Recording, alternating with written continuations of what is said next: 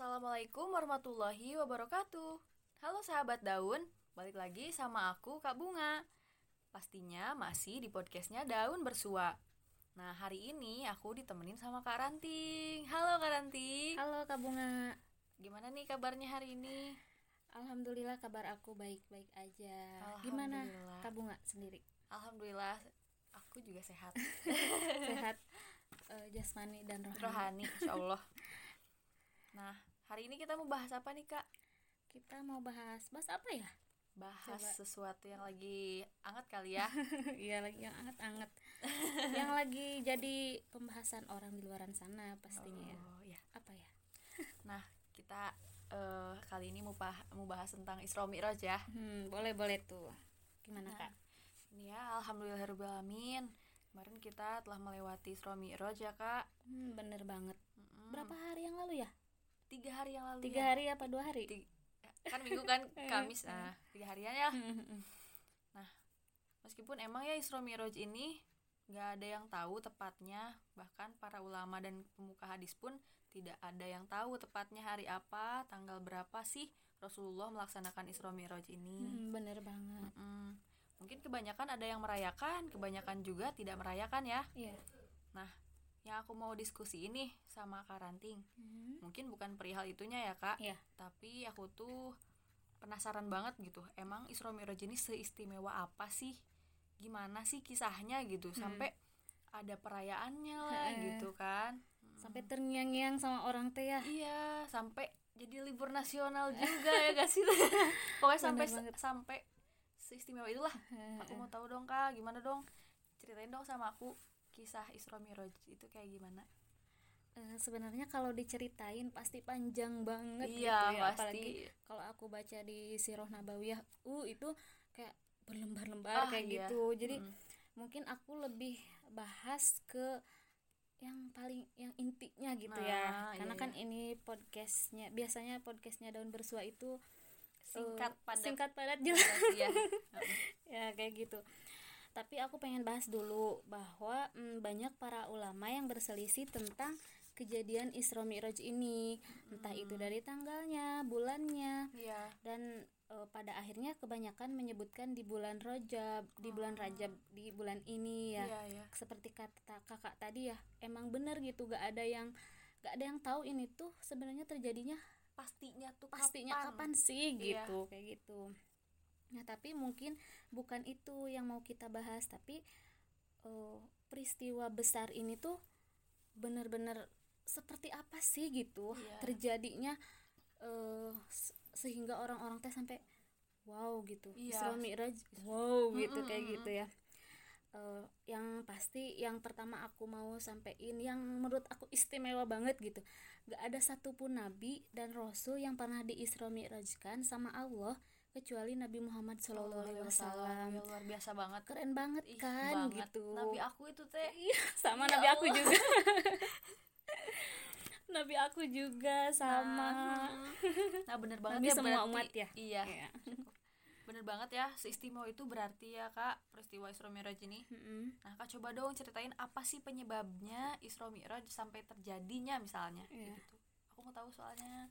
Allah kepo banget. Bener sekepo apa sih Oke, kepo, kepo parah.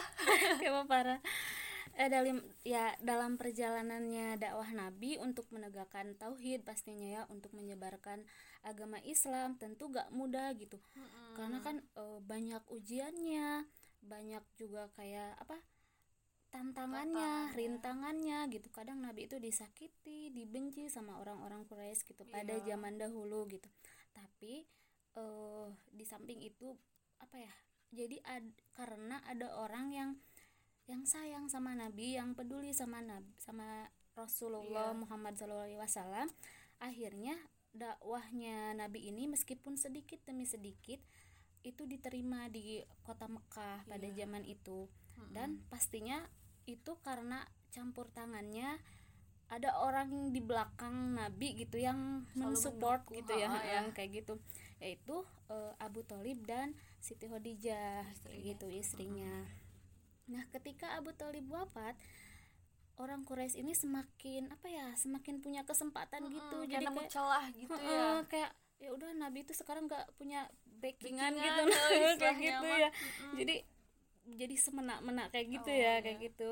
Terus eh, terus setelah dua bulan kemudian istri Nabi Siti Khadijah ini meninggal juga Hmm, gitu iya. jadi benar-benar kayak di saat itu Lagi tuh kayak terpuruk lagi. terpuruk banget dan kehilangan orang-orang yang benar berpengaruh untuk Nabi gitu Iya, ya dalam benar. perjalanan dakwahnya Nabi gitu sehingga tahun itu disebut tahun kesedihan ya Allah Nah, dari dari situ lagi tuh Allah itu menurunkan surat Yusuf seolah-olah kayak Allah tuh ingin menghibur Nabi, terus seolah-olah ingin menyampaikan gitu sama Nabi bahwa tuh lihat Nabi Yusuf aja gitu yang dulu eh, apa banyak banget ya ujiannya dari saudara-saudaranya ingin membunuh, terus difitnah kan ya Iya, gitu iya. banyak banget tapi pada akhirnya kan apa ya mem bisa apa, juga kayak gitu. melewati Mm, itu dan tetap jadi tegar apa? juga jadi Raja raja, ya, ya mm. kayak gitu ya mungkin Allah kayak ngasih ngasih nih coba kamu ambil hikmah dari sini Iya, kayak gitu mm-mm. nah akhirnya dari situ Nabi itu semangat tuh untuk dakwah jadi semangat lagi gitu Iya. meskipun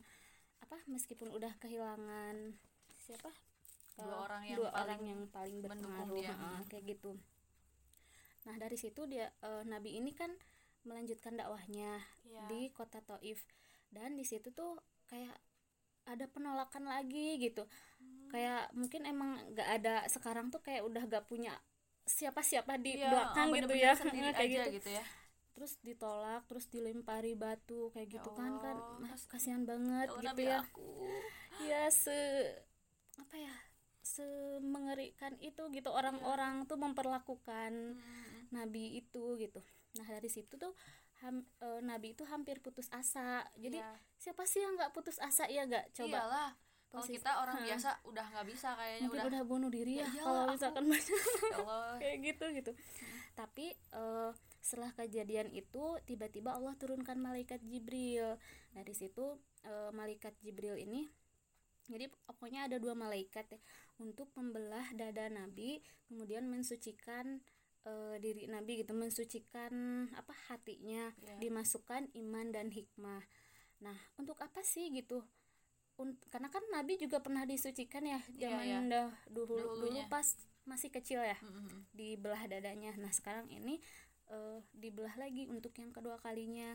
Nah, ini tuh untuk memper un- jadi Allah tuh mempersiapkan kayak nih kamu tuh persiapan diri untuk Oh. ketemu Allah tuh harus bener-bener bener-bener bersih, bersih, lagi. suci dan dan apa ya?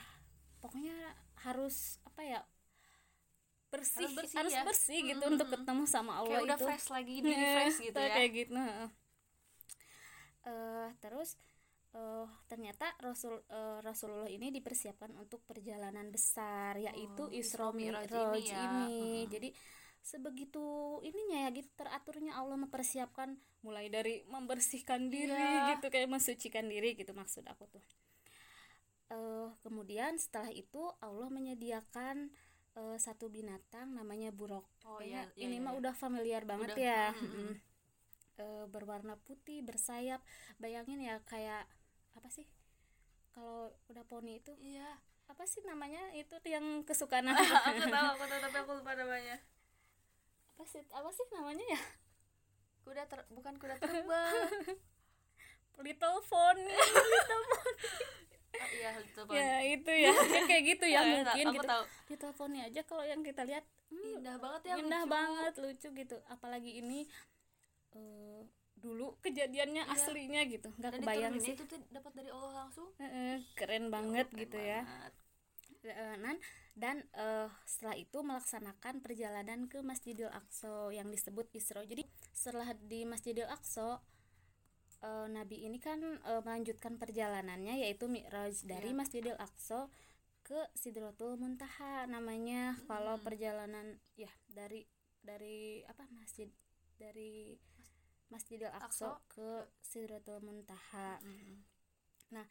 kemudian Nabi itu dibawakan ke langit sama sama Jibril Iya, sama ya Allah. mm, sama Jibril terus eh apa untuk masuk ke langit aja gitu itu tuh harus mengetuk dulu pintu langit gitu se apa ya berarti itu tuh ada istana gitu Iya, ya bayangin berarti oh berarti di langit teh nggak semena-mena nggak semata-mata kayak ya udah aja kita teh terbang ke sana naik na- naik tangga burung gitu gitu. Oh, kayak iya. gitu berarti emang ada penghuninya ada penjaganya gimana sih layaknya istana, kayak Istana, gitu iya. Mm.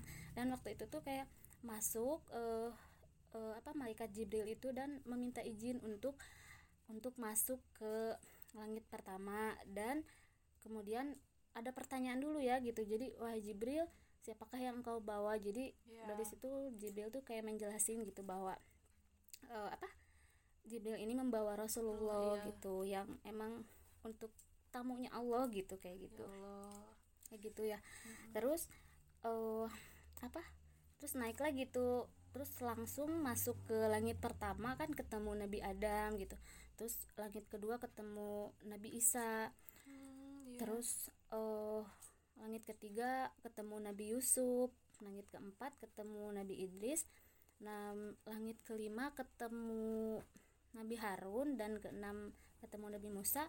Dan yang terakhir ke langit ketujuh apa ketemu Nabi Ibrahim Oh, gitu. iya.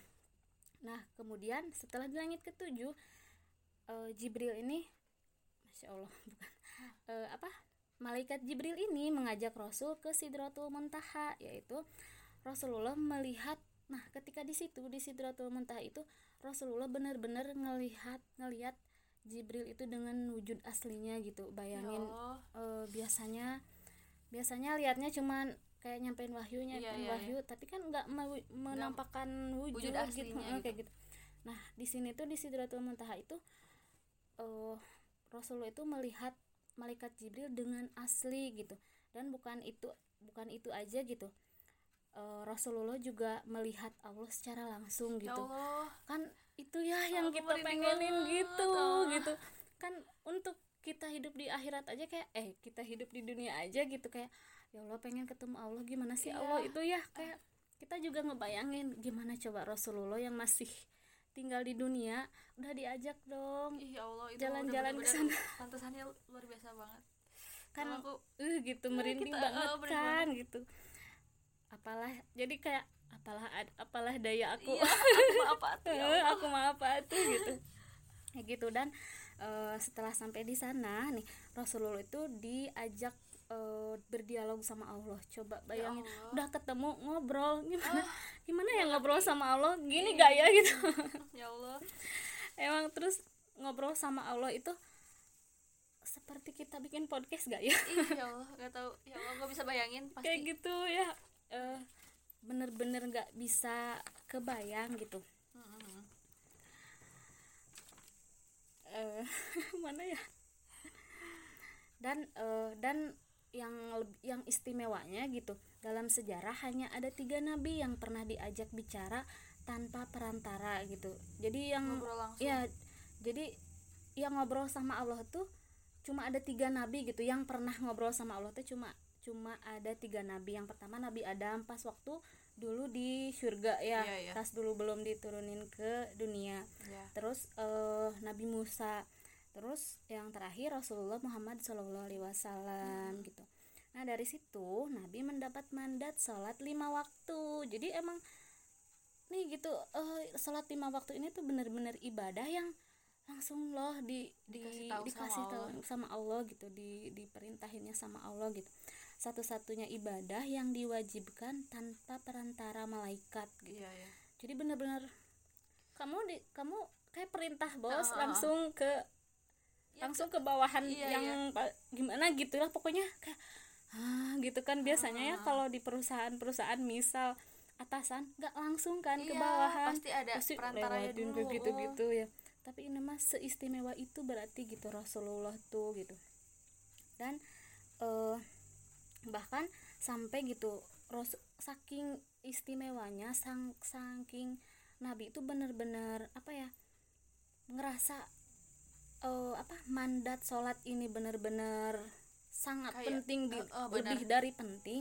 Bahkan eh, kalau dalam hadis kata Aisyah gitu ketika ada waktu apa ketika ada waktu azan ada azan, Azan berkumandang, berkumandang, gitu sampai-sampai Nabi itu kayak misalkan lagi sama Siti Aisyah ya. Iya. ketika ada azan berkumandang Nabi tuh untuk tergesa-gesa seperti itu untuk untuk Melaksanakan melaksanakan sholat sampai seolah-olah sama Siti Aisyah tuh gak kenal Ya Allah. jadi kayak gimana ya sih kayak Mm.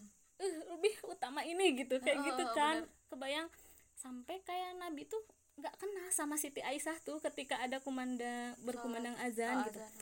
berarti seurgent itu gitu Iya, urgent banget.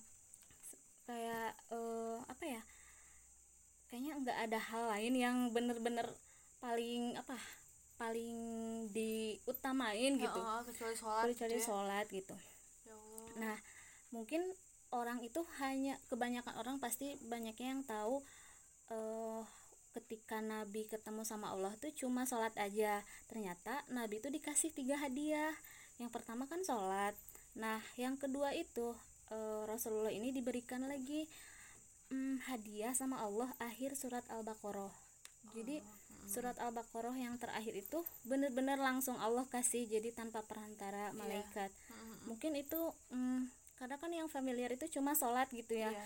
nah jadi hadiah nabi yang kedua itu pas ketemu sama Allah teh ter- Allah tuh ternyata itu gitu Oh, ya akhir surat al-baqarah dan maknanya eh gitu apa tuh? surat al-baqarah Eh, itu eh, eh. kayak gitu Heeh. terus eh, yang ketiga ini kan ada yang ada tiga ya hadiahnya dijanjikan setiap yang mening yang meninggalkan eh setiap yang meninggal tidak menyekutukan Allah maka jaminannya surga. Berarti tauhid dia yang Iya. pertama gitu. Keyakinan kita sama Allah. Mm-mm. dan Allah tuh mau ngejanjiin surga tuh Iya. sama Oh, orang. kitanya setia sama Allah. setia sama Allah gitu. Bener-bener kayak enggak menduakan Allah. kayak gitu. Nah, dari dari situlah setelah itu Rasulullah turun.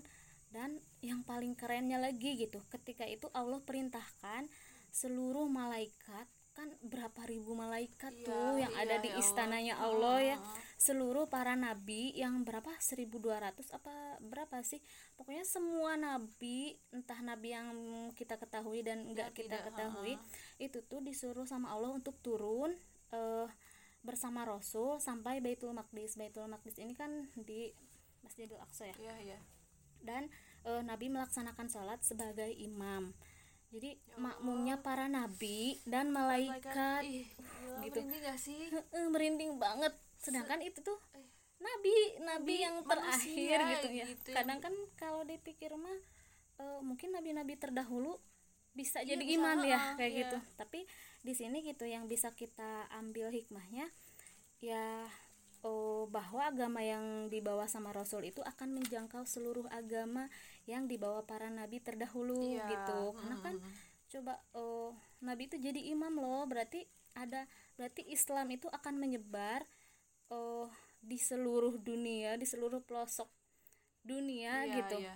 dan eh, menyebar ini kepada orang-orang yang punya ajaran eh, apa kitab-kitab yang terdahulu Nah, itu, gitu iya. keren banget gitu Eh, kemudian setelah itu Nabi pulang deh eh, dengan naik buruk lagi gitu Hmm, jadi iya. diantar dijemput Ya, istimewa pokoknya banget istimewa spesial. banget gitu dan ini tuh istri apa Isra Mi'raj ini tuh bener-bener hadiah dari Allah gitu Iya, ya Allah. hadiah dari bukan hadiah apa sih kalau kita lagi sedih dihibur Dihibur, ha. hiburan gitu tuh kayak Diajakin hiburan jalan-jalan yuk ke surga. gitu jadi kayak gitu kan terus makanya kan Nabi terus kayak Nabi juga di sana kan pernah diperlihatkan eh, surga sama neraka gitu. Makanya Nabi bisa makanya mm, Nabi bisa me- apa ya kayak mengisyaratkan neraka gitu. Jadi dari hadis-hadisnya kan kayak Ah, banyak itu Nabi itu mengisyaratkan surga dan neraka walaupun gak sedetail yang sesungguhnya Iya, gitu. iya. Aku mau tahu dong kak gimana emang gimana sih gitu pas Nabi Muhammad diperlihatkan surga dan neraka? Misalkan ada gambarannya enggak gitu? Mhm. aku mau tahu dong meskipun aku rada-rada takut ya. Cuman aku mau tahu. Rada-rada takut. Heeh, aku takut. Takut apa? Aku takut kalau ya pastilah kalau kita mendengar gambaran neraka ya kayak gimana. Tapi aku mau tahu dong. Tapi Ya, kalau kita dengar gambaran surga juga mengenakan hati. Mengenakan hati iya justru jadi kayak semangat gitu kayak Eh. ke sana ya. Iya nah oh ya emang tadi tuh emang kelewat ya untuk perjalanannya. Ketika Nabi naik ke apa Sidratul Muntaha itu emang emang Nabi itu kayak gak yang pertama itu Nabi itu mencium harum gitu kayak ketika gimana sih masuk ke sebuah ruangan misalnya terus tiba-tiba harum. Iya iya. Itu harum dari mana? Dari dari situ tuh kayak Nabi tuh nanya ini tuh harum dari mana sih? Gitu. Mm-mm. Eh, kok bisa seharum ini harum apa ini Iya. Eh, malaikat Jibril gitu. Kayak Nabi, Nabi tuh bertanya gitu sama malaikat Jibril ini tuh harum apa sih? Ternyata ini tuh eh, harumnya Siti Masito. Udah Oh, tahu belum tahu, aku ceritanya? tahu sih tapi ceritain aja teh. Gimana? Pokoknya kayak pokoknya ini tuh kayak mm, ya balasan gitu. Berarti Ya, balasan iya. untuk orang yang zaman dahulu yang udah taat gitu sama Allah. Pokoknya cerita singkatnya jadi kayak eh, Siti Masito ini tuh kan eh, tukang sisirnya anaknya Fir'aun Fir'aun, iya. zaman dulu tuh iya terus eh, Siti Masito ini mm, ketika mau menyisir gitu Bismillahirrahmanirrahim kayak Oh, gitu iya, kan selalu emang dia. selalu kan emang harus kita harus apa ya menyebut nama menyebut Allah nama Allah Mm. untuk setiap melakukan sesuatu. Nah si anaknya ini bertanya gitu, "Eh, maksud eh, apa ya? Siapa yang kamu maksud? Allah siapa? itu Ah, ah, Mm-mm. bis- Allah itu gitu. Apakah ayah saya? Cina kayak Iya, gitu kan? Iya, enak gitu. aja loh. Tapi eh, Siti Masito ini jawab gitu, tidak ini ini Tuhanku, Tuhan kamu dan Tuhan bapakmu. Nah dari situ dilaporinlah ke bapaknya sama Fir'aun sehingga eh, apa? Sehingga Siti Masito ini digoreng, di Oh, iya, digoreng iya, gitu iya. sampai Sampai- digoreng sampai bau gosongnya sampai bau banget gitu. sampai kecium ke mana-mana kan ya Oh, katanya kayak gitu sehingga Allah Allah balas di surga dengan eh, wanginya di Wanginya wanginya itu. di surga gitu jadi seluruh seluruh isi surga itu wangi, wangi karena wanginya Siti Masito kan ya eh, Allah. keren banget banget. gitu berarti emang seteguh itu ya Iya. ketauhidan orang itu gitu terus kayak terus eh, Nabi itu mendengar suara terompak kayak sendal sendalnya Bila gitu pas Oh, pas ha, ditanya eh, yang itu. Mungkin tuh udah tahu ya Udah tahu, udah tahu ya kayak eh, apa? Belum aja meninggal tapi suara sendalnya Bila Udah tuh udah di- udah ada di surga Iya, gitu iya. kayak gitu.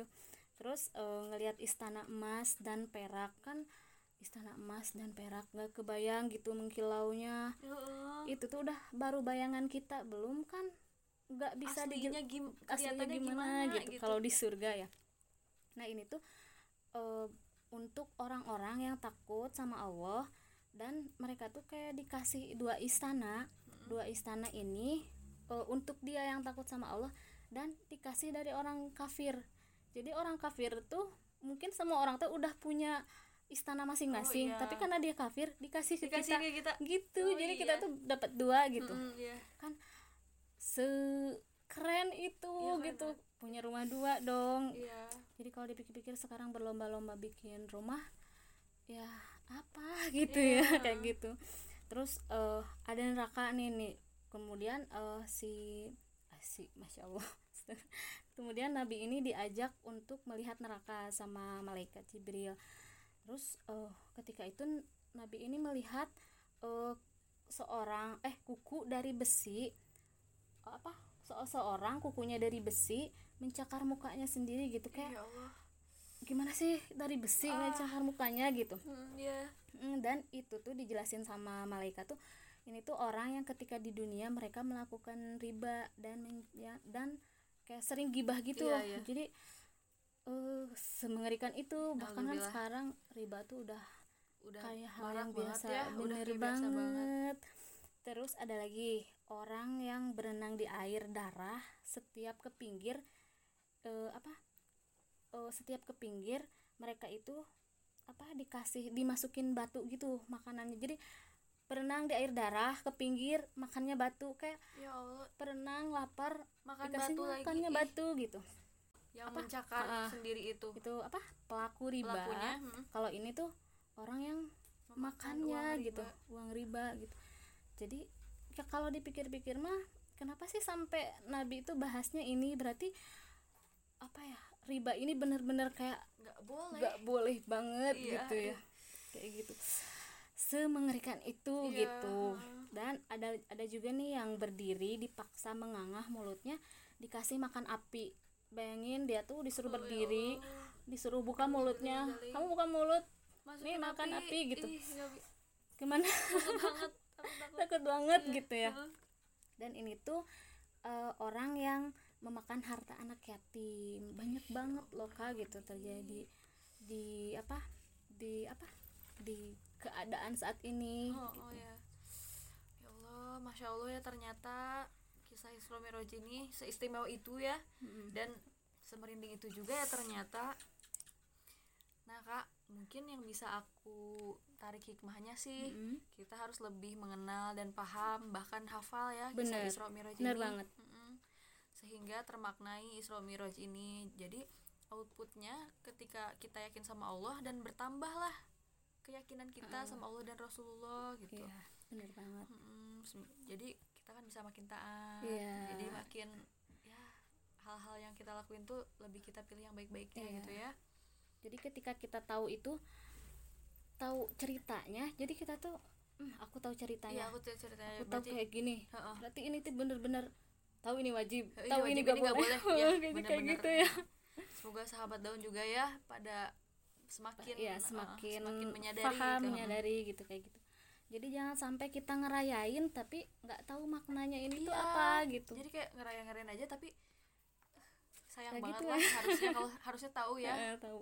Harusnya tahu cerita ini Iya. bukan cerita kisah Isra Mi'raj ini mungkin itu aja ya sahabat daun yang bisa kita diskusikan hari ini iya Semoga menambah pengetahuan dan menambah ketaatan kita kepada Allah Subhanahu wa taala. amin, amin, ya Allah Nah, semoga sahabat daun sehat selalu ya. Semoga Amin. Karantin juga sehat selalu. Amin. Makasih banyak ya udah kabunya kabunga juga semoga Iya, sehat amin ya Allah. Semoga ya semuanya. biar bisa ngisi podcast Selanjutnya, ya. bener Ya udah kalau gitu.